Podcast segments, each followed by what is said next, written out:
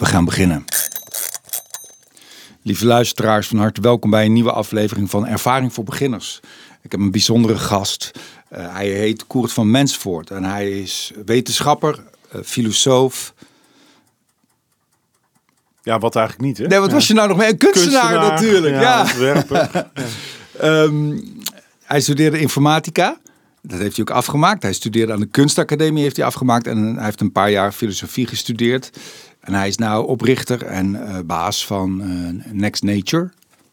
Ik zag jouw cv, toen moest ik denken aan een, eh, aan een cartoon van Goomba.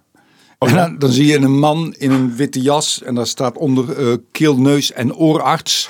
en de man zegt dan, "Nou, ik zie zelf het verband ook niet zo. Ja, ja, ja ik heb, voor mij is de belangrijkste ontdekking eigenlijk geweest dat ik geen beroep heb en ook niet een beroep hoef te hebben. En dat vind ik ontzettend bevrijdend. Ja, maar, maar eh, je verdient er wel je geld mee, hoop ik Dat, voor je. dat, dat is goed gelukt. Ja. daar heb ik me nooit zorgen over gemaakt, maar dat is inmiddels ook goed gelukt. En waarom voelt het zo dat het geen, dat het geen beroep is? Ehm, ja, ja de, de, het idee dat je, dat je eigenlijk vanuit je passie en fascinatie kunt werken. Want aan het einde van de dag is mijn job description eigenlijk amateur. Hmm. Eh, en dat is het Griekse, van het Griekse woord ook liefhebber. Lief- ja. Hè? Dat je iets doet met passie. En vervolgens gaat kijken, ik wil dit doen. Ik, hier zit iets.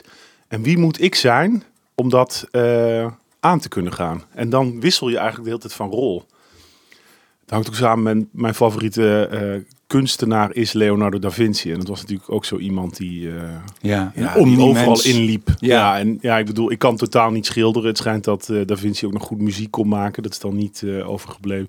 Dus dat is van een andere, totaal andere categorie. Maar ik vind het idee van zo'n homo un- universalis, vind Ja, ik wel, woord, eh, vind ik wel, eh, ja, heeft me altijd heel erg aangesproken.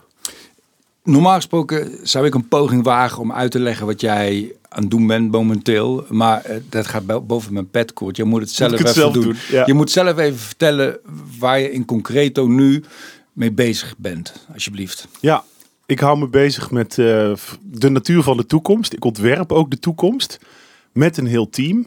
Ehm, omdat ik denk dat we nu in een tijd leven waarin zoveel verandert. Eh, vooral op het gebied van technologie die in ons leven komt. En waar we eigenlijk de hele tijd bijna slaapwandelend gaan we die toekomst in. En dan niet alleen als individu, maar eigenlijk als mensheid. En dus hoe kunnen we meer grip krijgen op wat er allemaal op ons, op ons afkomt? En dat doe ik vaak door ja, een soort radar te zijn voor meerdere toekomsten. En die dan tastbaar te maken. eh, en aan mensen te laten zien. Zodat we een beter gesprek hebben over welke toekomst we eigenlijk willen. En tastbaar in de zin van dat je scenario's ontwerpt. Ja, maar ook concrete, eh, ta- eh, tastbaar in de zin dat je het kunt vasthouden. Dus Ja. ik heb bijvoorbeeld wel eens een SRV-wagen omgebouwd tot een supermarkt van de toekomst. de nano-supermarkt. Ik heb het eerste kweekvlees-kookboek ter wereld geproduceerd. Met 45 recepten die je ja, nog niet kunt koken. Ja. Eh, ben, probeer ook nu een ecomunt in te voeren. Want ik vind het raar dat je geld kunt verdienen als je een boom omkapt. Maar als je een boom plant, dan creëer je ook waarde. En dan word je niet betaald. Dus ik probeer een soort ander financieel systeem. Het is allemaal wel. En eh, we zijn eh, onlangs ook. ehm, eh, hebben de eer en het genoegen dat we het Evoluon gebouw in Eindhoven weer tot een publiekslocatie mogen maken. ja, dat is geweldig. Dat is een ontzettend prachtig iets, ja. En dan dien je ook, zeg maar, zo'n zo'n locatie. Ja. In onze jeugd, je bent iets jonger dan ik, je bent 47, ik ben 55, was het Evoluon was een magisch gebouw waar je, waar je een, museum waar je heen kon en waar eh, je ook aan de toekomst kon snuffelen eigenlijk. Hè? Precies, ja. Verwondering voor jong en oud en eh hoogopgeleid, laaggeletterd. Iedereen kwam daar binnen. En je kwam even in die, in die andere wereld. En dat zijn nu de 40-plussers die, zich dat, eh, die zich dat herinneren. Eh, omdat het gebouw is later eh, een conferentiecentrum geworden. Ja, dat is dan allemaal prima. Het is goed gedaan, business to business, weet je, leuk. Maar ik vind, ja, iedereen moet daarin. Want een gebouw dat Mm. eruit ziet als een ufo zegt eigenlijk, kom, kom hier naar binnen. En ja, het wekt heel veel nieuwsgierigheid op. Ja, en het heet ook Evoluon. En ja, ik ben dan bezig met The Next Nature. Dus ja, dat, daar zit ook een soort... eh, het past als een handschoen. Alleen we moeten ook nog laten zien dat we het eh, kunnen. Dus daar hebben we de komende jaren... gaan we dat proberen te doen. Dat is ontzettend spannend. Laten we eens beginnen bij jouw, perso- nu we het toch over evolutie hebben, over, jouw persoonlijke evolutie. Ehm, wat voor ventje wa- was jij? En, en kun je iets vertellen over de weg die je hebt afgelegd om te komen waar je, waar je nu bent? Ja, dat vind ik een mooie vraag. En die wil ik ook wel aan jou stellen zo. Omdat ik vind heel goed, deze podcast heet Ervaring voor Beginners. We proberen iets voor de beginner te doen. En als je, denkt, hoe ben je eigenlijk begonnen?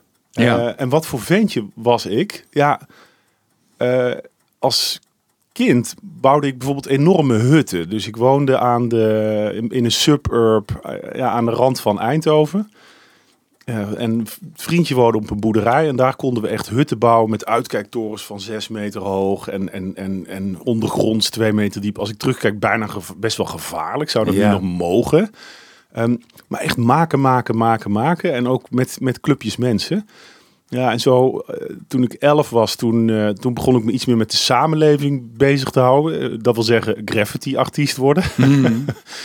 Om, waar ik nu nog naar terugkijk. Want je, je, je vindt iets van de wereld en je wil iets in die wereld, maar je hebt helemaal niet, geen idee. Je, je voelt je ook niet verantwoordelijk voor de wereld. En eh, ja, je hebt ook geen idee hoe je je moet uiten. En dan is een spuitbus pakken en een schabloon. Is gewoon, ja, is, was heel lekker. Dus heb ik een tijdje eh, gedaan. En was dan, sorry dat ik je onderbreek, maar was dan in die graffiti-periode, eh, eh, was er dan een behoefte om de wereld te verfraaien of van commentaar te voorzien? Ja, ik, wil, ik, ik, eh, ik herinner me een keer dat ik zo, s ochtends om vijf uur, want je moest dat dan s'nachts doen, had ik mijn schabloon. En het was een soort heel schattig dinosaurusje met, met alles erop en eraan, meerdere schablonen. Ik stond daar een heel mooi grappig comic dinosaurussen, was ik zo aan het maken op die muur. En naast mij stond een vriendje en die had gewoon fuck off, had hij, Ja. had hij gespoten. En ik zag dat zo en ik dacht ook van, ja, ik weet niet, wie... wie hij wil iets anders, maar wie doet dit? Wie, wat heeft meer impact? Ik was heel erg in de war daarover. Ja. Maar ja, ik was zelf duidelijk wel van het iets toevoegen en Ja. verfraaien. Ja. Eh, ik heb dit ook maar, ja, ik denk minder dan een half jaar gedaan. Want ik ben één keer thuisgebracht door de politie en dan eh, escaleren dingen een beetje. En eh, toen kwam er een homecomputer in ons huis. Mijn vader en mo- moeder werkten allebei bij Philips. Ja, en daar begon ik te, dan kon je intypen en dan kon je ja, iets op dat scherm laten verschijnen. Dus Was toen- dat de Commodore 64 of welke? het was, eh, het was een MSX2 en Ja. dat was een computer die werd gemaakt door Philips en Sony. En daar kon je hele mooie graphics op maken, een beetje zoals de Commodore 64. Eh, het grappige was dat eh, die computer was niet zo succesvol. Dat wil zeggen, 100.000 mensen in Nederland hadden er een. En Philips stopte daarmee. En daar, toen kwam, kwam er dus geen software meer uit. Dus Philips maakte ook games. Ehm, en Japanse bedrijven ook, maar die stopten met dat systeem. En wij waren inmiddels daarop aan het programmeren. En er was eigenlijk een markt die van 100.000 mensen in Nederland en in de wereld nog veel meer, die geen software, die kregen geen games meer. Dus Nee. onze games, die, eh, die werden dan wel eh, ja, op diskettes verkocht. En die verkocht jij, die verkocht jij. Ja, ik heb mijn games tot in Japan uiteindelijk in automaten zijn ze verkocht. Ja, ik ging naar beurzen En toen was jij nog een tiener. en toen was ik 15. Zo. Ja, ja, dus ik heb, ik moet zeggen, ik heb als dertiger nog wel eens teruggedacht van, eigenlijk deed ik het beter. De, ik deed het eigenlijk beter als tiener dan nu. Dat is ook gek. Ja. Ik was echt een wiskid. Ja. ja. Maar zo ben ik begonnen. Hoe ben jij begonnen? Mijn mond niet kunnen houden in de klas. Ja. ja. Ja, ik, eh, ik heb denk ik ook een beetje van mijn handicap mijn, mijn, ehm, mijn beroep gemaakt of zo. Eh, ik, vind dat, ik vind dat een moeilijke vraag. Ehm, maar dat is het wel. Ik denk dat ik een, eh, door hoe mijn ouders verhuisden door Nederland en ook in Duitsland wel een soort outsider was, automatisch. Ja. Waardoor je van ja, automatisch een beetje van buitenaf kijkt. En, en, ook eh, bijna kan beslissen deels of je daarbij wil horen of juist niet. Dus Mhm, er is mhm. een, een soort van zelfsprekendheid is er niet. Ja. En ehm, dat heb ik nooit zoals heel onprettig ervaren hoor. En, en daardoor, ik weet niet, dat, dat, dat produceert misschien toch een bepaalde spanning. En met die spanning doe je iets. Dat Ja. worden woorden. En die woorden die spreek je uit. En dan moeten mensen in de klas lachen. Op, Bijvoorbeeld. op wat voor leeftijd merkte je dat mensen in de klas Ja, dat was lachten? mij, ja, ik had het volgens mij al op de, ik- op de kleuterschool had ik het al. Dat, ik, dat ik met mijn buurjongetje Gerard van Gemerde, die kon ik in zijn broek laten plassen van het lachen. Dus het, het, zit- ja, het zat, het zat er ook wel in of zo. Maar ja, zoals jij inderdaad al kon, waarschijnlijk waren jouw hutten ook veel beter dan de hutten die ik maakte. Ja, je, mensen, je bent ook wel, dat, dat heb je mee of niet, een, een bepaald Ja. talent. Ja, iets waar je bijna als ja, naartoe vloeit. Hè? Ja. Dat, dat, en het is fijn, ik moet zeggen, het is heel fijn om, om te vinden. En ook maf toch dat je ook wil, die drang tot manifestatie Ja, is ook ja, deels ijdel. Ik vind het ook leuk als ik het zie bij mijn kinderen, dat die dan af en toe heel erg aandacht willen en gaan dansen en dat ze willen dat je kijkt. En ja, en dat is er. Hè, je, ik was met Emme de Jonge een heel leuk gesprek gehad over, de, de, zij is een striptekenaar. En alle kinderen tekenen en ja, zij is toch nooit meer opgehouden. ja, ja. En dat is het Je ook. gaat hè. er net iets verder in. ja. Ja, en jij bent nooit opgehouden met, met, met eh, hutten bouwen, maar dan andersoortige hutten waarschijnlijk. ja het zijn nu andere hutten. Ja, Ja. Ja. Maar het, is, het, het, lijkt, het lijkt eigenlijk heel erg op, ook met vriendjes was ik ook altijd. Dus ik werk nu ook veel met, met teams. En met mensen die je leuk vindt ook. Ja, ik vind het heel belangrijk, want ja, ehm, het leven is te kort om met klootzakken te werken. Dat is echt regel nummer één. Dat moet je gewoon niet doen. Nee. Nee, en ik denk dat dat ook, dat dat ook een soort ballast kan veroorzaken, waardoor je niet op je goede ideeën en misschien nog wel belangrijker, op je slechte, dat je je slechte ideeën uitspreekt. Ik wil, dat is mijn ervaring, hè? dat Ja. als je een hele vertrouwde omgeving bent. Hè, ik heb ook zo, bijvoorbeeld mijn regisseur is, is een van mijn allerbeste vrienden. En eh, ik voel me niet beoordeeld door hem.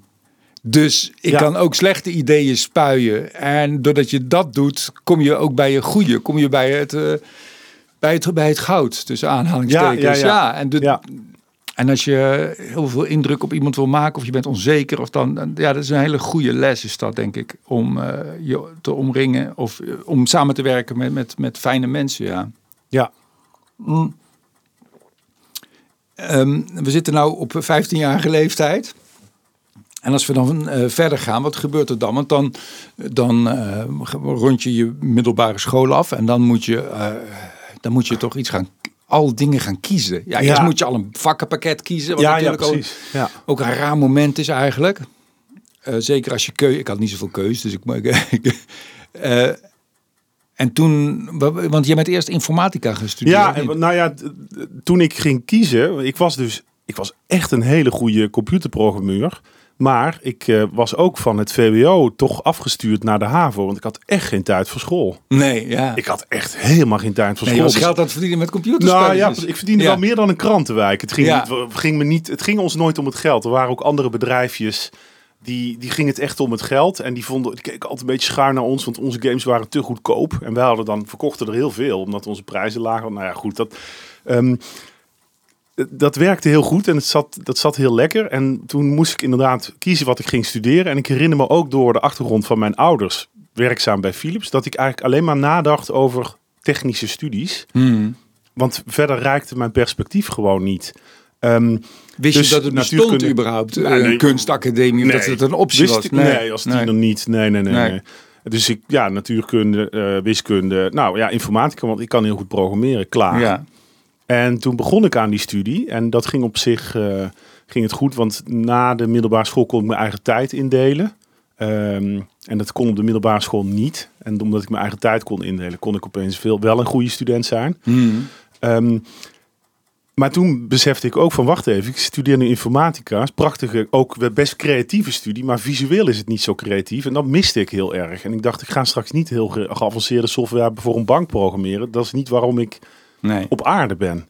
Ehm, dus toen eh, zocht ik, eh, voelde ik een gat en zocht ik iets erbij. En toen ben ik, heb ik me aangemeld op de kunstacademie. En met- ik herinner nog dat mijn moeder zei, kun jij tekenen dan? ja.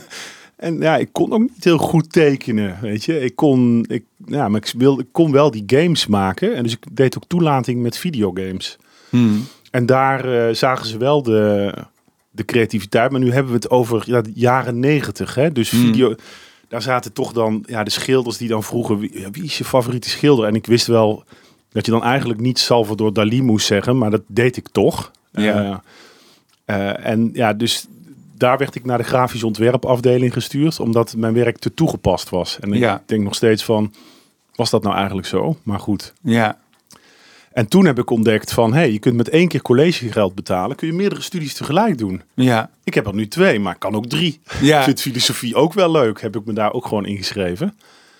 En ja, het was wel een leuke periode dat er dan de studie was klaar en dan begonnen de hobby-studie en dan begon weer die. Dus dat was uh, liep en door was dingen dat, heen. En hoe was jouw staat van zijn dan toen? Was jij eh, je, je vertelt het zoals je me aankijkt als een soort blij kind die, die, die een mooie speelgoedwinkel creëerde waar hij doorheen kon dabberen. Had je al had je het comfort om helemaal niet hoeven na te denken over de toekomst en over hoe je daar geld mee ging verdienen. Nou, zo was dat niet aan de hand. Ja, dat had ik omdat ik informatica studeerde. Ja, die had je sowieso binnen. Ja, dus ik wist mijn maatschappelijke ja. positie. Want ik werd in die tijd werd je uitgenodigd om bij een automatiseringsbedrijf een, een vluchtje in een ballon te maken. Om dan in die ballon met die mensen te praten of je misschien bij hun wilde komen oh werken. Oh ja, dat was de En ze belden naar mij thuis, naar mijn ouders met dit soort aanbiedingen. En ik heb ze allemaal afgezegd, want ik wist dat het niet mijn banen waren. En dan ga ik ook niet in zo'n ballon zitten. nee.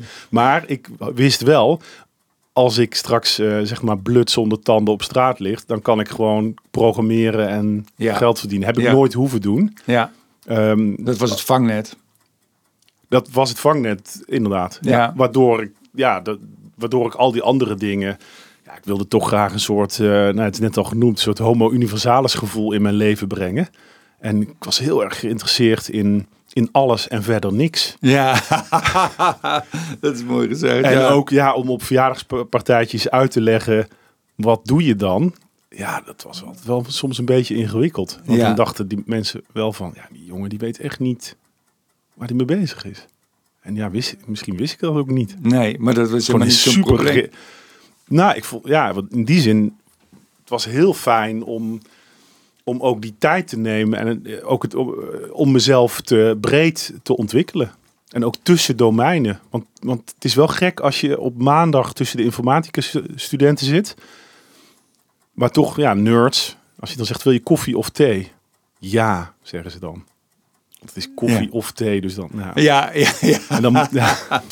Ja. En dan de dag erna zit je op een kunstacademie met mensen met ontploft haar. En uh, ja. ja, dat is zo'n andere sfeer. Dan moet je je al in handhaven. Nou, dat ging, ging op zich prima. Ik heb een keer een uh, try-out gedaan op de TU voor alleen maar TU-studenten. Ja, jaar geleden. ja, vertel. Ja. ja, was geweldig. Alleen, ik had er helemaal niets aan, omdat om sommige dingen die erg goed waren en waar altijd om gelachen werd, daar werd niet om gelachen. En andere dingen waar nooit om gelachen werd, daar werd massaal om gelachen. Ja. En uh, ja, totaal andere manier van denken. Daarna ook heel leuk nog zitten kletsen. Ontzettend leuke gast allemaal. Ja. Maar uh, ja, echt anders, ja. ja. Ja, en deze mensen, die zijn dus nu allemaal bezig om de wereld waar wij allemaal in leven, met al die technologische verandering, om dat te maken. Ja. En het, daarvan denk ik wel eens, mm, dat mag iets diverser misschien. Ja, natuurlijk. Want die zijn natuurlijk alleen maar vanuit, uh, en dat zou ik ook doen als dat mijn mijn gebiedje was, die proberen daar gewoon zo ver mogelijk in te komen, los van allerlei ethische aspecten of, of, of andere psychologische overwegingen. Ja, gewoon al je hersenkracht inzetten om één heel diepgaand, moeilijk detail, om dat te snappen en daar dan iets mee te doen. En ja, ik vind het ook dus fantastisch dat, dat, dat, dat er een groep mensen is die dat doet. En tegelijkertijd wil je ook die connectie en, ja, en, die, en die breedte. En ik heb wel een beetje beide gedaan. Omdat ik heb wel de informatica afge, afgemaakt. En uh, ik heb ook wel eens gewoon een week naar één pagina in een wiskundeboek zitten kijken. En echt, ik heb echt letterlijk een week zitten kijken. Ik denk, ik begrijp gewoon niet wat hier staat. En na een week begreep ik het. Ja. Ja, dus dus daar zit ook wel een schoonheid in. Zeker. Maar ja, ja ik ben totaal wiskundig eh, al afgehaakt in de brugklas. En waarom was ook omdat het een taal is die in zichzelf eigenlijk uh, perfect is en geen uitzonderingen kent. En dat was eigenlijk het moment waarop, toen ik dat snapte, was eigenlijk onmiddellijk het moment waarop ik afhaakte. Ja, denk ja, Dan, weet, dan weet ik ook nog een paar dingen. Nee, ja, ja, ja, ja. De, dus, Maar ja, het is natuurlijk goed, omdat het ook orde schept in, in, in, chaos. En anders, dus, dus, ik snap wel het belang daarvan of zo, maar dat moeten echt andere mensen uh, doen. Ja.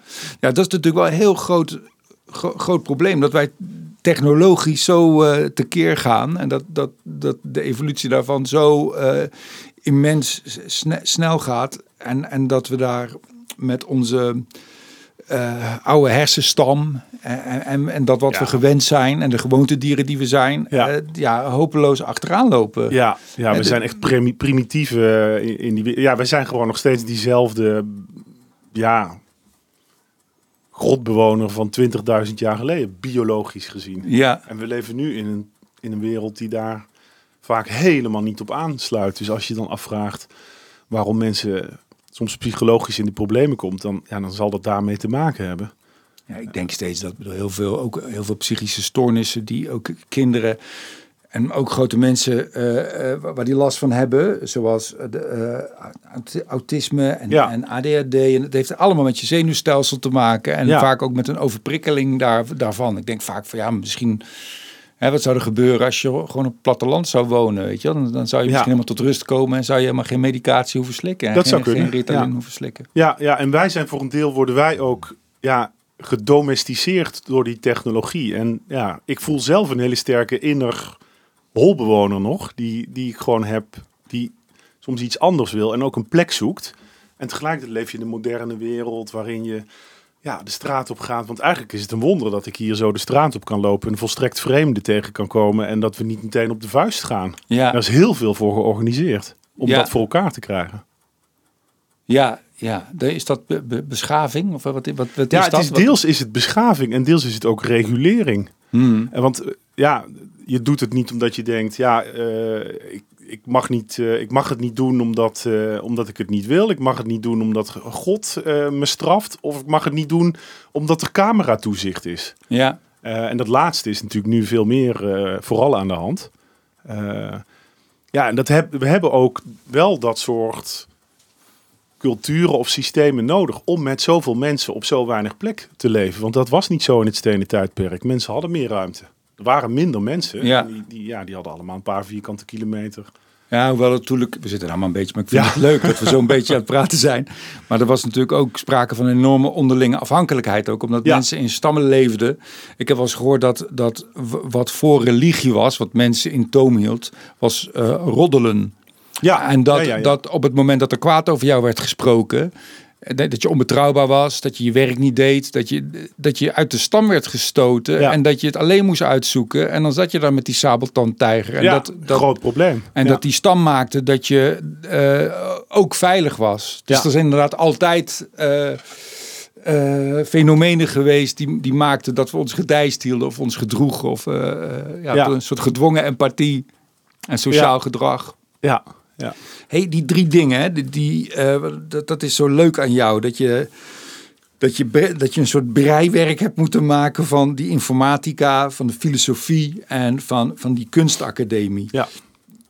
Wat, wat was het moment, of is dat überhaupt Mhm. al eh, eh, gekomen, dat moment, dat daar een soort fijne balans in kwam tussen die drie dingen? Is die er nu? Ja, ik denk nu dat hij er, dat, eh, dat hij er absoluut is. Mhm. Ja, ja. En wanneer is die gekomen? Nou, misschien toch wel op het moment dat ik zo eind twintig, dat, dat, ik, dat ik dus eh, alles aan het doen was en alles aanpakte. En op een gegeven moment dacht van waar wil ik nou echt mee bezig zijn? En toen heb ik dat thema Next Nature Hmm. ontdekt. Bijna, zo, zo, zo heb ik dat ervaren. Dat ik dat heb ontdekt. Dat, ik, dat we iets moeten met die relatie mens, natuur, technologie. Hoe dat op elkaar schuift. Ehm, en toen heb ik wel min of meer besloten, dit is zo groot, hier moet ik nu aan gaan werken. Dus, eh, en niet, niet ik alleen, maar ook heel veel meer mensen, want het is groter dan ik zelf. Hmm. En ehm, ik doe nu alleen nog maar projecten die daar op de een of andere manier mee te maken hebben.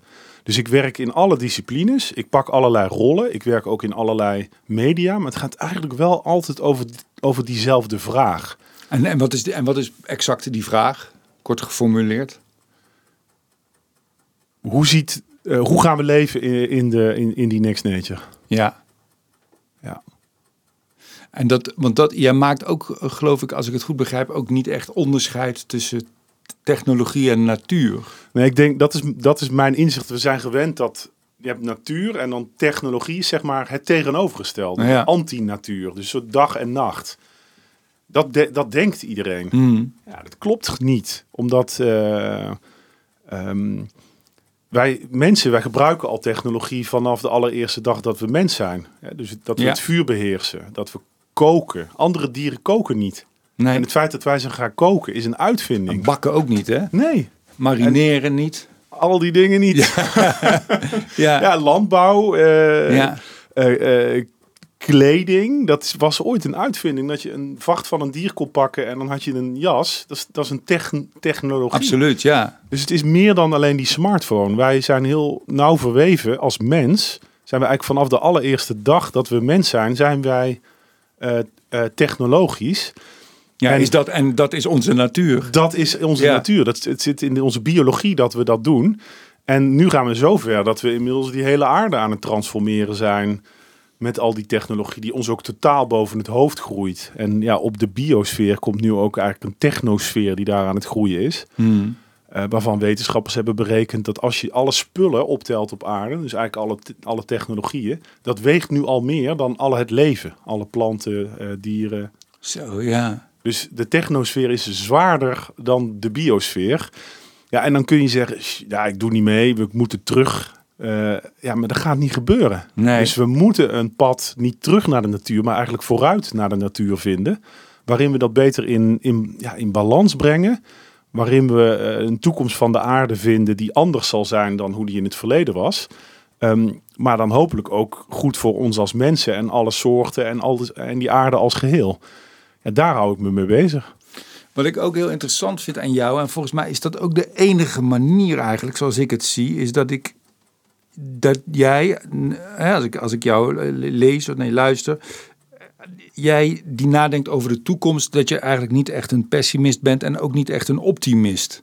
Ja, dat klopt. Ja, ik ben, nou, ik, als ik moet kiezen, dan zeg ik 51% toch wel optimist. 49% pas op, het kan ook misgaan. Ja, Ja, want ik zie net ook heel erg de gevaren van de twee uitersten. Ja zeker. Nee, ik ben zo, bijvoorbeeld zeker geen utopist. En ik ben Nee. ook absoluut geen doemdenker. Nee. Nee, nee. En hoe krijg je het voor elkaar? Want je, je, je vertelt dat heel mooi. Dat moment dat je snapt, die next nature, dat is waar ik me op wil focussen. Waar ik mijn tijd en energie en mijn liefde en mijn talent in wil steken met andere mensen. Ja. Ehm, hoe heb je dat voor elkaar gekregen? Dat dat, dat, dat ook Ja. iets geworden is in de echte wereld. Ja, daarna, ja precies. Want eerst was het die klik, ging toch echt wel... Ik was ook op zoek naar, waar ga ik me nou mee bezighouden? Want ik heb al die opleidingen afgerond. En toen had ik die klik van, hier ga ik me mee bezighouden. En meteen diezelfde eh, middag liep ik een supermarkt in. En bij mij was een lampje aangegaan van, zo zie ik de wereld. Hier mag ik me bezighouden.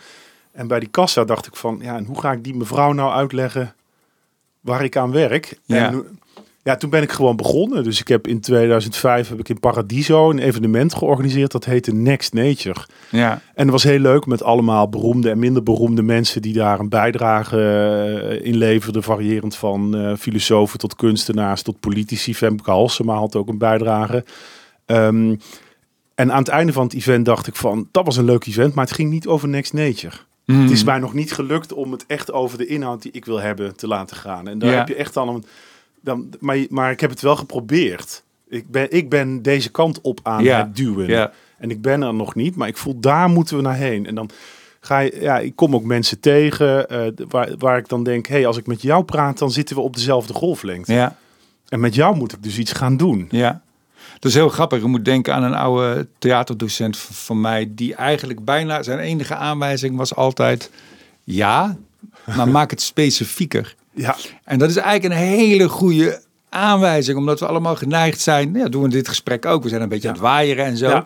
En soms voel je dat het, dat het scherp wordt en puntig en dat, je, dat, je echt, dat het echt gaat over waar je het over wil hebben.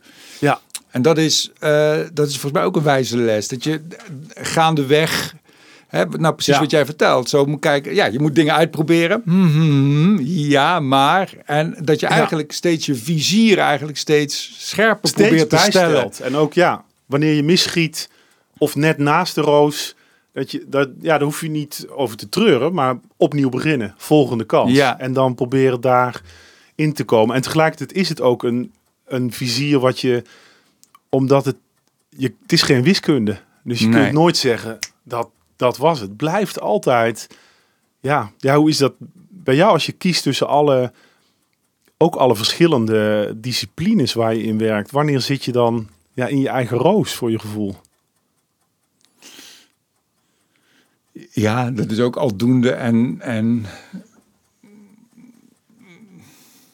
ja, ik heb niet zo'n, ik heb geloof ik niet zo'n heel duidelijk doel zoals jij het formuleert. Ik wil bijvoorbeeld met, met de shows die ik maak, wat ik interessant vind vaak, is om een soort train of thought te maken. De, dus ik wil eigenlijk me, mezelf laten zien en laten zien wat ik, wat ik denk en voel. En, en, uh, en ook de grilligheid daarvan. Dus, dus je, een mens denkt banale dingen en verheven ja. dingen en uh, praktische dingen. En, en ja. daar maak ik een soort, soort collage van. Ja, ja, ja, en dat, en dat, dat toon ik. Dus dan, dan is de, de, dat, dat kan bijvoorbeeld een doelstelling zijn. Dan denk je, ja, ik wil een oprecht beeld schetsen van mij in deze fase. Ja. Maar soms kan het ook, mijn vorige programma was veel meer, uh, iets meer conceptueel. Toen dacht ik dus bijvoorbeeld, oké, ik ga kijken wat er gebeurt als die witte man, die nu als dader wordt gezien, Ja. als die Ja. zichzelf als slachtoffer ziet. En kijken wat zijn monoloog wordt. Mhm. Ja, Dat kan ook. ja, En dan merk je ook in de, in de selectie, want op een gegeven moment heb je veel meer materiaal dan je nodig hebt, ja, dat je dat weg gaat kappen. Dat wat daar niet mee te maken ja, heeft. dat is dan je kader. Hè? Ja. ja. Ja, Ja, dat is altijd heel fijn als je, als je, als je weet.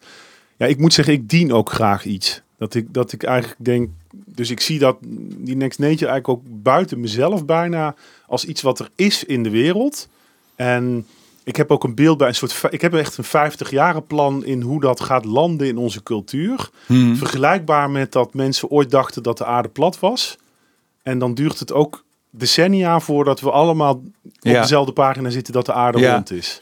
En Ja, hoe ga je daar... En, en- ja. en dan denk je, dit is het verhaal en ik dien dat verhaal. En dat vind ik heel fijn om dat eigenlijk dan buiten te plaatsen. Dan kan ik me erop richten. ja. Het gaat, niet, het gaat niet over mij. Nee.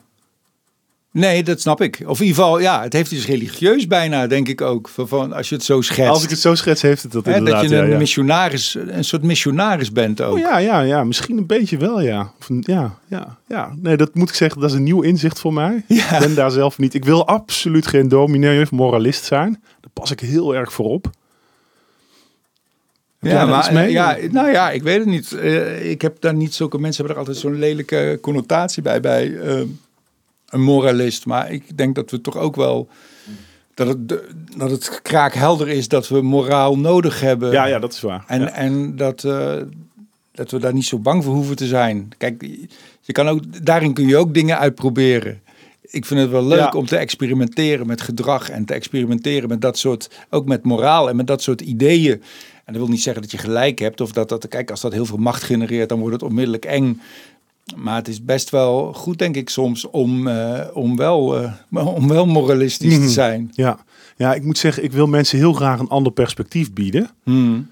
Maar ik wil ze graag ook heel graag dan zelf de conclusie laten trekken Ja. over hoe ze daar zich in willen bewegen. Ja, maar ook omdat dat vaak denk ik veel effectiever is ook, toch? Dat werkt veel beter. dat ook, geval want ja, staat dat ik erg mensen ga vertellen, zo moet jij je gedragen, daar zit echt helemaal niemand. Ja, dat is, vind ik nu wel, dat is heel moeilijk. Als je het dan hebt over de toekomst, dat dat, bij mez- ik zelf ook. Je bent ook, ik ben me gewaar van de gevaren die er zijn. Ja. En het milieu en het klimaat. En tegelijkertijd ben ik ook hartstikke murf gebeukt door alle informatie die tot Ja. me komt. En totaal gedeprimeerd. Dan lees ik een of ander boekje, jongen. Wat een soort, ik weet niet eens hoe het heet. Zo'n boekje wat kinderen krijgen op de lagere school. En dan lees ik dat op de wc van mijn dochter. En dat is dan ook zo deprimerend over de toekomst en het milieu. Ik denk, ach, die Ja. kinderen zijn negen en die worden Ja. nu al helemaal overladen met die informatie Ja. over de oerwouden die weg worden gekapt en de CO2. Ik denk, af hoe... Ik voel hier dan als kunstenaar echt een plicht om, een, om, om ook eh, een, een wereld voor te stellen waarin je zelf wil leven. Hmm. Het is zo makkelijk om een wereld voor te stellen die naar de kloten gaat, waar alles misgaat. Daar, daar heb je heel weinig verbeeldingskracht voor nodig. Ja, Maar om een wereld voor te stellen waarin jij wil leven, dat, dat is veel moeilijker. En daar wil ik dan, ik wil daar graag ook kinderen de ruimte voor bieden. Niet van dit wordt de wereld waarin jij gaat leven. Maar kun jij een wereld voorstellen die hoopvol is, waarin waar- waarin je zelf ook wilt leven? ja. Eh, ja, Hoe, hoe hè, die- die- daarover nadenkend jij, hè? De- Ja. de- hoe, wat is de situatie? Hoe doe je dat? Lig je op de bank en ben je aan het mijmeren? Praat je met andere mensen? Hoe, kom, hoe word jij optimaal in je hoofd? Ja, combinatie. Ik heb eh, veel praten met, eh, met andere mensen. Dat voedt ontzettend. En ook op zijn tijd. eh, en wat voor soort mensen? het ik praat het liefste met, met mensen die, als zij praten eh, en gewoon hun gang gaan, dat ze dan op eenzelfde frequentie eh, zitten. Eh, dus bijvoorbeeld een kunstenaar waar ik regelmatig mee werk is Floris Kuik, is een audiovisueel ontwerper. En nou, daar heb ik al meerdere projecten mee gedaan. Maar ik weet als, als, als Floris op een andere planeet gaat zitten en hij gaat daar een project doen waar ik niet aan werk, dan zal dat toch een soort resoneren met de type, type Ja. projecten dat ik ook doe. Dus dan kun je heel comfortabel met elkaar eh, dingen verkennen. Want je weet dat je elkaar ook op, je, op het spoor waar je op wil zitten, daar, dat kost geen moeite. Want je Nee. zit allebei al op Ja. die golflengte te Ja, zenden. daar gaat geen energie in verloren om in die groef te komen. Nee, en dan is het echt, eh, ja, Stapelen. Dan, dan stapelt de energie Ja. zich juist. Ehm, de, eh, wat ik ook wel doe, is gewoon heel individueel. En dan, dan zwem ik graag. Echt in mijn eigen hoofd. Geen prikkels en iets bedenken. Dat, dat super individuele. Die combinatie, die twee dingen. En als je dan alleen bent, ben je dan aan het wandelen of lig je op de bank? Wat is, wat is dan... eh, En mijn beste ideeën heb ik dus zwemmend. Oh, dat is oh, letterlijk zwemmend. oh, dat begreep ik niet helemaal. Dat zwemmend in je hoofd, Ja, je, dus maar- het is zo dat ja, mijn, mijn, mijn echtgenote die, eh, die, die, die, eh, die vindt dat niet altijd leuk, maar het liefst ah, in de zee. Ja. Ja. en dan het liefst vanaf de kust zo recht de zee inzwemmen, weg van het land. Ja, En dan laat je dat achter je en dat- het is, het is volgens mij ook een soort meditatief iets. ja. Eh, en dan kun je, kan, ik kan dan op een, in, een, in een dieper denken eh, komen. Eh, ja, en dan staat mijn echtgenote aan de kant van, zie ik dat, zie ik dat hoofdje nog? Dus ik heb een keer meegemaakt dat we in een hotel zaten en mensen zeiden, dachten ze dat ze een dolfijn hadden gezien, ver weg. En mijn echtgenote zei, nou, nou nee, dat is volgens mij geen dolfijn die daar gaat. Ja. Ehm, ja, dat, eh, daar krijg ik mijn beste ideeën. En dan, dan kom ik terug en dan, dan weet ik, soms heb, je, eh, soms heb je drie kwartier gezwommen, is er niks gebeurd. Ook prima, Mm. heb je toch lekker gezwommen. ja, Eh, en soms kom ik terug en dan denk ik, ah, ja. Eureka. Eureka. ja, dus niet in bad, maar... Ja. En, en ehm, zit je dan, want ik vind het een leuk, leuk om over op dieper op in te gaan. Als je dan gaat zwemmen, zit je dan je, je- best te doen om iets te bedenken? Of, of stel je juist open? Ja, ik stel me open. Ja, en ik weet ook wel dat... dat eh, want ik kan dat niet iedere dag doen, uiteraard. Maar als ik dan bijvoorbeeld een week ergens ben waar ik aan het strand ben en ik kan, ik kan dat doen, dan is het vaak de eerste drie dagen. Ja, dan gebeurt er niks. Nee. Dan gebeurt dan, en ja, dan zwem ik denk, nou, nee, niks, niks. Eh, Maar het, ik ben nog nooit teleurgesteld. Ik heb ook nooit haast. Oké. Het, want je, moet, je kunt niet de goede ideeën kun je Nee. volgens mij niet forceren, maar je kunt wel een omgeving voor jezelf creëren waarin je dat kunt, ja, je Maar- openstelt daarvoor. Ja, want hoe doe je dat dan? Ja, ik zou zelf ook geen antwoord weten op die Hoe- nee, vraag. maar hoe doe jij Maar hoe dat dan? stel je je... Oh nee, ik ben, ik ben aan de beurt. Dadelijk mag jij even zeggen. hoe, hoe stel je je open? Is dat een activiteit? Hoe doe je dat dan? Ja, voor mij is het heel fysiek. Eh, eh, Ja. Dus ja, Ja. echt, fy- een, fy- een fysiek Ja. jezelf. Ja, in je verzuipt situatie- als je niet gaat zwemmen. Dus daar... eh, Ja, als ik op een, ik, de bank werkt voor mij niet hoor. Ik Nee. kan echt niet op de bank gaan zitten en dan ideeën Nee. krijgen. Want dan, nee, dus je oh, moet- is daar een boek en dan pak ik dat boek. Dan Ja. ben ik al af. eigenlijk. Ja. ja, precies. Je moet je lichaam een soort opdracht geven. Dat hele besturingsmechanisme, dat die bezig zijn met die coördinatie van die armen en die benen. ja, dat is eigenlijk. Ja. Hè, dus die, dat is bezig. En, en dan is er ook nog ruimte vrij om, ja, om dat andere te doen. En er is ruimte te vrij om iets wat in een deel van je hersenen zit waar je normaal geen connectie mee hebt, om dat dan in je bewustzijn te krijgen. Is dat moeilijk nou, hè, met die telefoontjes en die overprikkeling en al die informatie Ja, die je moet, mensen moeten daar- echt. Ja, je moet je meldingen echt regisseren en uitzetten. Ja, Maar ja, we hebben dus lang geleefd in een wereld waarin het moeilijk was elkaar te bereiken. En Ja. nu zitten we in een wereld waarin je moet organiseren wanneer je onbereikbaar bent. ja, Dat is ook de next nature trouwens. Dat, dat is Ja. ook die domesticatie van technologie. Die technologie die heeft ons geholpen om altijd bereikbaar te zijn. Tada. En nu vervolgens ja, kapselt het ons in. Hmm. En moeten we er weer uit ontsnappen?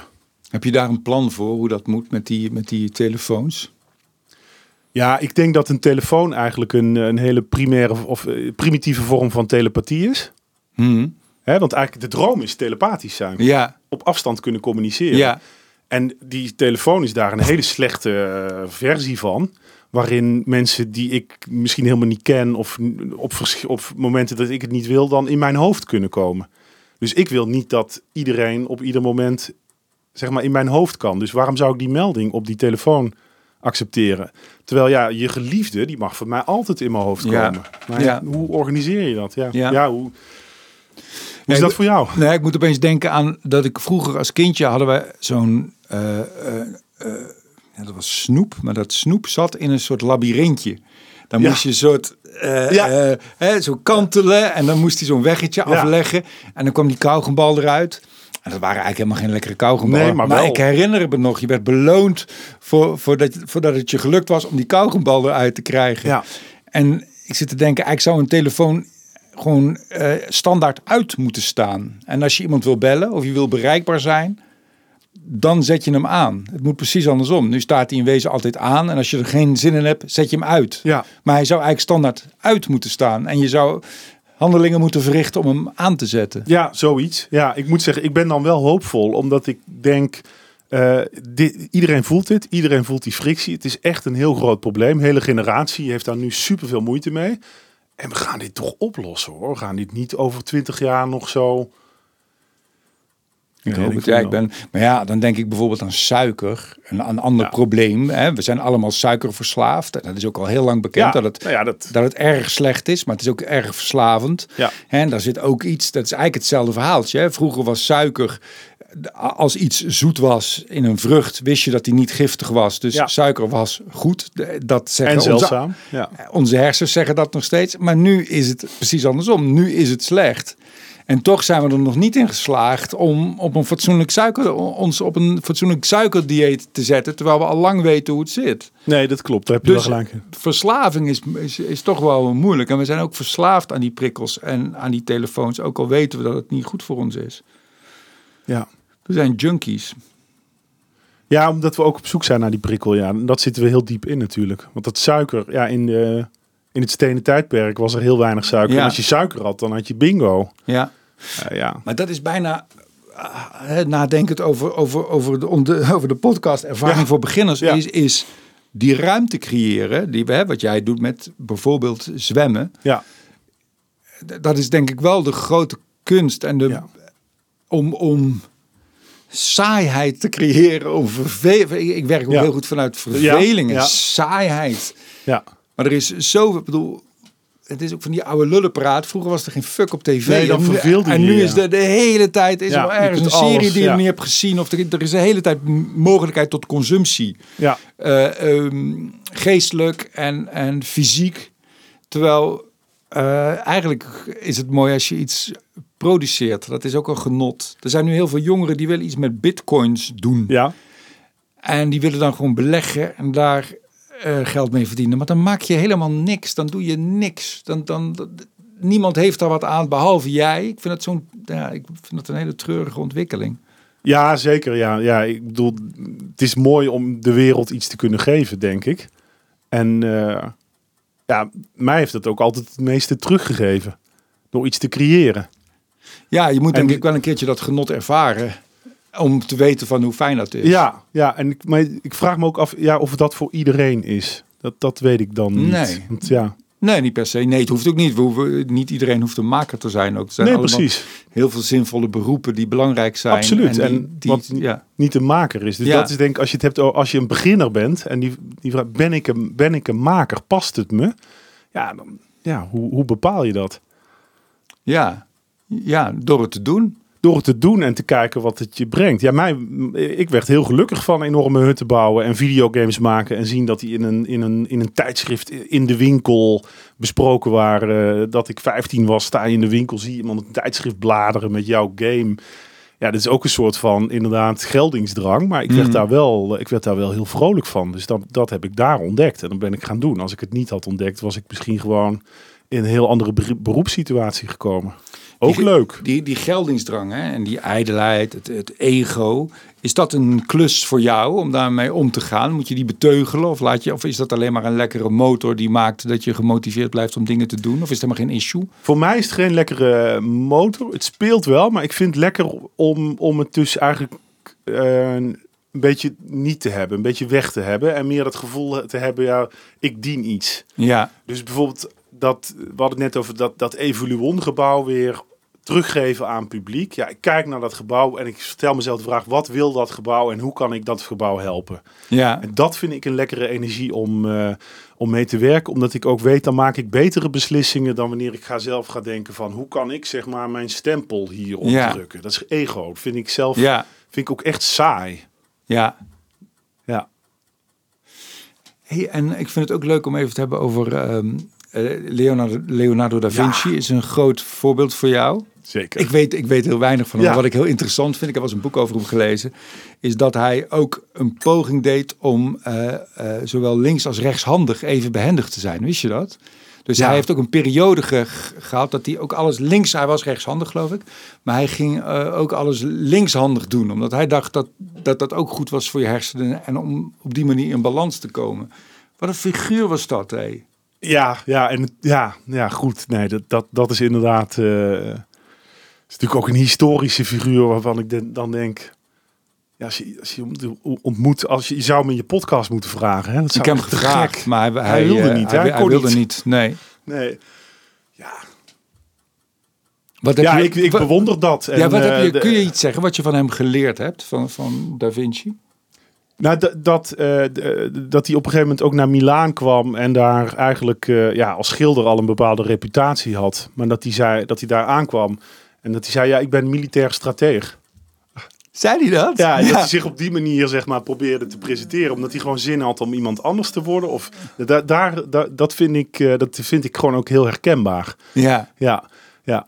En ehm, wat ik ook denk, als ik zijn biografie lees, dan denk ik ook wel eens, Leonardo, maak nou eens iets af. Ja, deed hij dat niet? Nee, daar was hij niet Ja. zo goed in. Nee, nee. nee maar hij heeft genoeg natuurlijk wel afgemaakt. Maar ja, ook die, die, die creatieve geest die dan weer naar iets anders gaat. Dat, eh, ja, ik probeer ook... Nee, het- Maar je hebt je vastgebeten in iets, Ik, ben hè? lang niet zo goed. Ik kom niet in de buurt bij wat Nee, nee, Leonardo daar, gaat kan, het niet om. Maar ik, kan, ja, ik maak wel dingen af. En ja, En kost je dat moeite om... eh, om, zeg maar... Nou ja, je hebt, maar ja, het is wel heel goed. Je hebt het wel ook, denk ik, heel goed helder en goed geformuleerd van, van, van wat je wil. En dat is ook een plan van 50 jaar. Ik bedoel, dat zou ook... ja, dat Ja, als je een mooie tekening wil maken, dan kun je na een week of een schilderij, dan, dan, dan, ga je naar de volgende. Ja, dan ga je naar de volgende. Dit is ook wel een, een nogal een kluif. Ja, in die zin vind ik, er zijn eigenlijk twee verschillende soorten kunstenaars. En die zijn allebei goed en leuk en prima. En de een is meer de kralenreiger, die steeds iets maakt en dan allemaal mooie werken maakt. En dan heb je op een gegeven moment een hele mooie ketting. En de andere is de diamantslijper, die heel graag één ding, ja, zeg maar, daar heel lang aan werkt. En dan, dat, dat wordt dan een hele mooie, één hele mooie diamant. En ik krijg ook wel kralen, maar als ik moet kiezen, ga ik iets meer voor de diamantslijper. Ja. Dat ik de hele tijd eigenlijk hetzelfde aan het doen ben, maar dan weer een ander facet van, dat, van die diamant probeer te slijpen. Ja. ja. En is het een, is het een, een gevecht eh, of een worsteling om eh, dat wat je denkt en dat wat je wil, om dat toegankelijk te maken voor derden? En, en moet je daar concessies in doen? Of is dat... Ja. Ehm, most advanced yet acceptable. Dat zeg ik ook vaak in het team. Ja, tegen andere mensen. Want ik werk veel met andere mensen die, die ook in zo'n orchestratie van creativiteit ook creatief moeten zijn, ook communicatief moeten zijn. En eh, dat is een quote van ontwerper Raymond Loewy. Eh, Mm. En die zei altijd most advanced acceptable. Ja. Je bent eigenlijk daar, je wilt dat maken, die verre visie. Maar je hebt ook zoiets als een publiek, mensen die daar iets van moeten vinden. En daar wil je ook die connectie mee, mee Ja. vinden. Ik zit die elastiek, daar, die, die, eh, die zit, ja, daar, daar eh, die rek ik vaak op. En soms ben ik ook te vroeg met iets. ja. Dan is het, dan, Kun je daar een voorbeeld van geven? Ehm, ik ben in 2011 begonnen met een onderzoek naar kweekvlees. eh, Lekker, ja. vlees, vlees maken zonder dat je een dier hoeft te slachten. Dus dan pak je Ja. wat cellen van een dier. En die groeien dan buiten het dier tot spierweefsel. En dan heb je vlees. Inmiddels zijn er ja, overal in de wereld bedrijven die proberen dit op de markt te brengen en zo. Maar in 2011 was dit echt een heel raar iets. Wel in Nederland ontstaan. Dus Macaber. Of, ook macaber. Ja, ik, ben, eh, ik herinner me, ik ben in 2015 in het eh, kinderprogramma Klokhuis geweest om over de toekomst te praten. ja. En daar sprak ik over kweekvlees. En het viel me op. Die, ik deed het ook niet goed genoeg hoor, moet ik zeggen. Maar die kinderen die vonden het leuk. Alleen de presentatoren die hadden echt zoiets van... Nee, ja. Horror. horror. Ja. Ja, en dan denk ik, ja, nee, dat, dat, dat- om dat moment te vinden. Je komt met iets raars binnen. Ik kom vaak met iets raars binnen. En dan ehm, kunnen we het hier eens over hebben. Maar je, ik wil wel graag erover hebben. Dus ik wil niet Ja. dat de luiken dicht gaan. Dan ben ik Ja. eh, mislukt. Ja, je bent ook bezig geweest met een, eh, een baarmoeder die buiten het lichaam een, een kind laat groeien, toch? Of niet? Ja, inderdaad. Ja. Ja, het, is het is door eh, iemand uit mijn team, Hendrik Jan Grieving, die heeft dat dan die, die, die heeft dat opgestart en die, die kwam ook binnen met ja, de, de kunstmatige baarmoeder. En ik gaf een keer een presentatie ook op een gynaecologie-congres.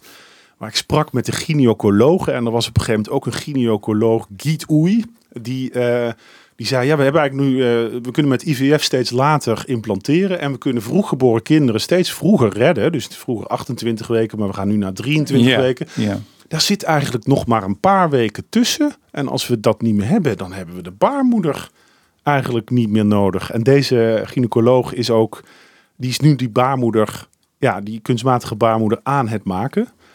Vooral om, om dus vroeggeboren kinderen te redden. Dus Ja. vaak de medische noodzaak. Dan klappen we allemaal en denken, dat hebben we nodig. Maar er zit natuurlijk toch onder dat wat als op een gegeven moment die vrouwelijke baarmoeder overbodig wordt ja. is dat dan de ultieme ehm, ja, mannelijke ingenieur die die baarmoeder heeft ontfutseld aan de vrouw? of is het juist een feministisch project wat Ja. gelijkheid tussen seksen bewerkstelligt? Ja, ik, dan denk ik, interessante vraag. Ik weet het antwoord niet. Snap, hier hebben we een project. Ja. Gaan we nu gewoon helemaal uitzoeken en met mensen over praten. ja. En ik weet nog steeds het antwoord niet, maar ik neig steeds meer naar als we het goed doen, dan is het misschien wel een feministisch project. Het is wel grappig dat dat, dat, dat natuurlijk een soort, soort, soort verhaal is van mannen zijn eigenlijk overbodig, want één man produceert al zoveel Ja. zaad.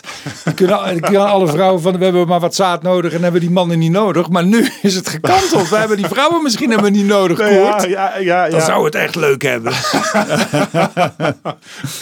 Party time. Eh, ik ben trouwens wel feminist, eh Theo. Ik ook, ik Oh, ook. Oh, leuk. Ja, ik ook. Ik voel ook heel erg dezelfde golflengte. Ja.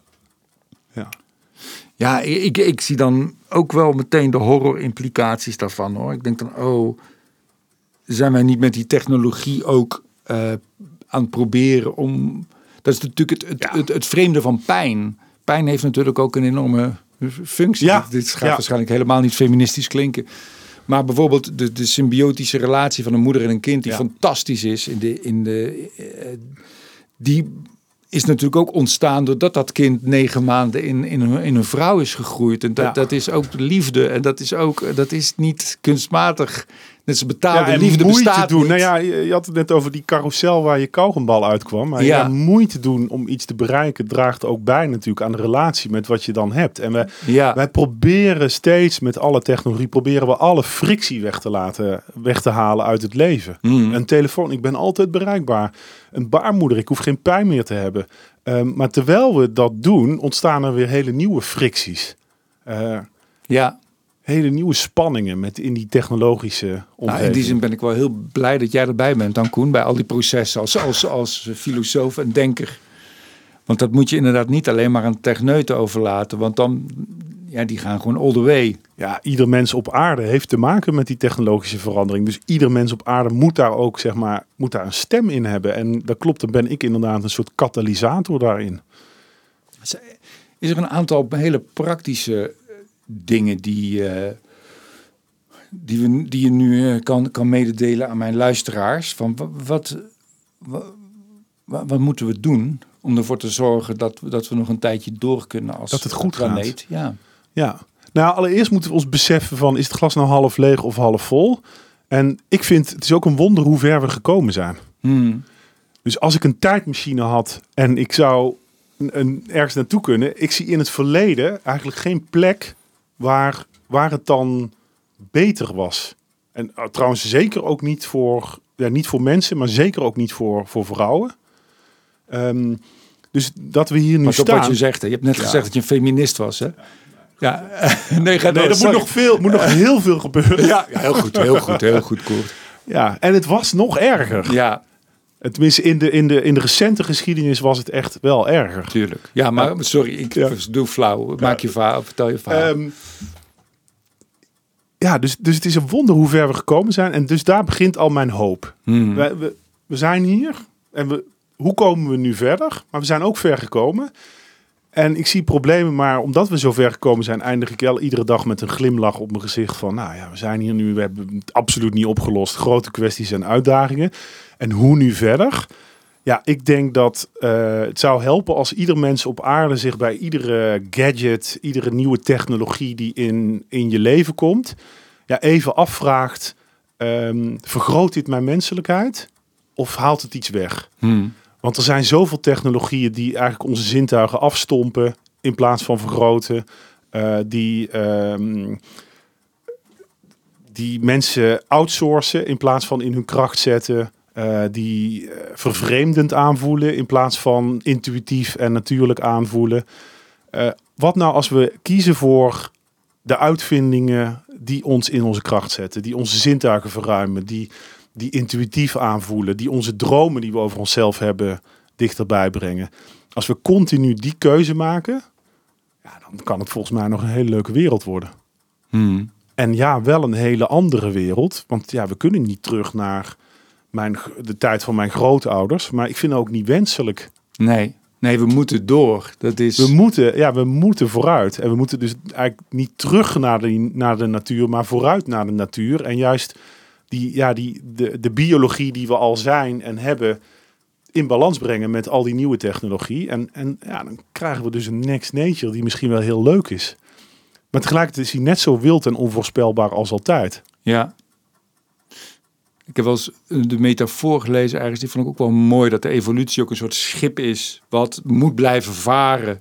Ja, En te- tegelijkertijd is er van alles aan te klussen. Maar er is niet de mogelijkheid om hem even uit het water te zetten. En in, in op de kant en in een hangaar. Daar op zo, je gemak die gaan sleutelen. Je moet en blijven varen. En je moet eraan eh, aan klussen. Ja, inderdaad. Uh, Ja, als, je, als je dat beseft, dan, dan snap je ook eh, dat het een wonder is hoe ver we gekomen zijn. Ik bedoel, Ja. waarom, heeft de mensheid, waarom is de mensheid niet al gewoon eh, duizend jaar geleden eh, uitgestorven? Ja.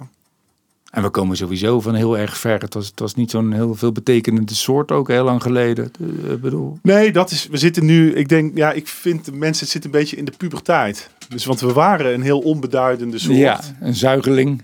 Ja, Ja. Eh, en, en eh, ja, een, een, een eh, giraffenbaby die, die komt uit de baarmoeder en die staat meteen op, op die pootjes en die loopt rond. Ja. En wij hebben tien, inmiddels bijna twintig jaar hebben we nodig om een beetje in de wereld te staan, omdat Ja. die wereld ook zo complex is.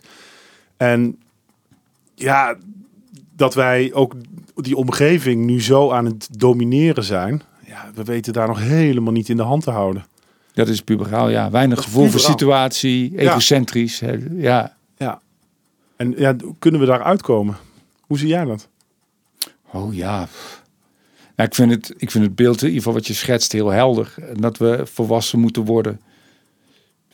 Ik, ik, ik vind het, wat ik er heel raar aan vind soms daarover nadenkend, is dat ik denk van, voordat we met al die hele extreme technologieën bezig zijn, zullen we er eerst even voor zorgen dat er overal wc's zijn. Bijvoorbeeld eh, technologie die al lang ontwikkeld is.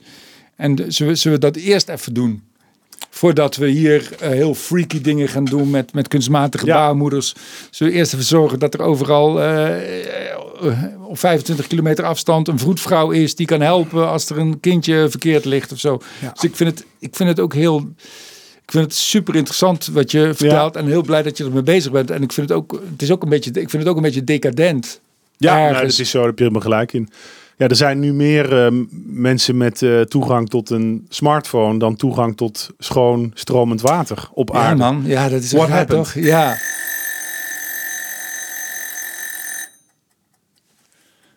Maar ik ben blij, ik ben blij dat, jij, eh, dat, jij deze klus hebt aangepakt. Ik vind het te gek om met je te praten. En eh, ben heel benieuwd naar de toekomst.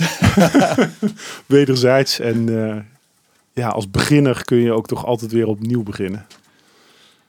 Eh, ja, eh, geldt dat ook voor de mensheid misschien? Misschien. Dankjewel. Dankjewel, Theo.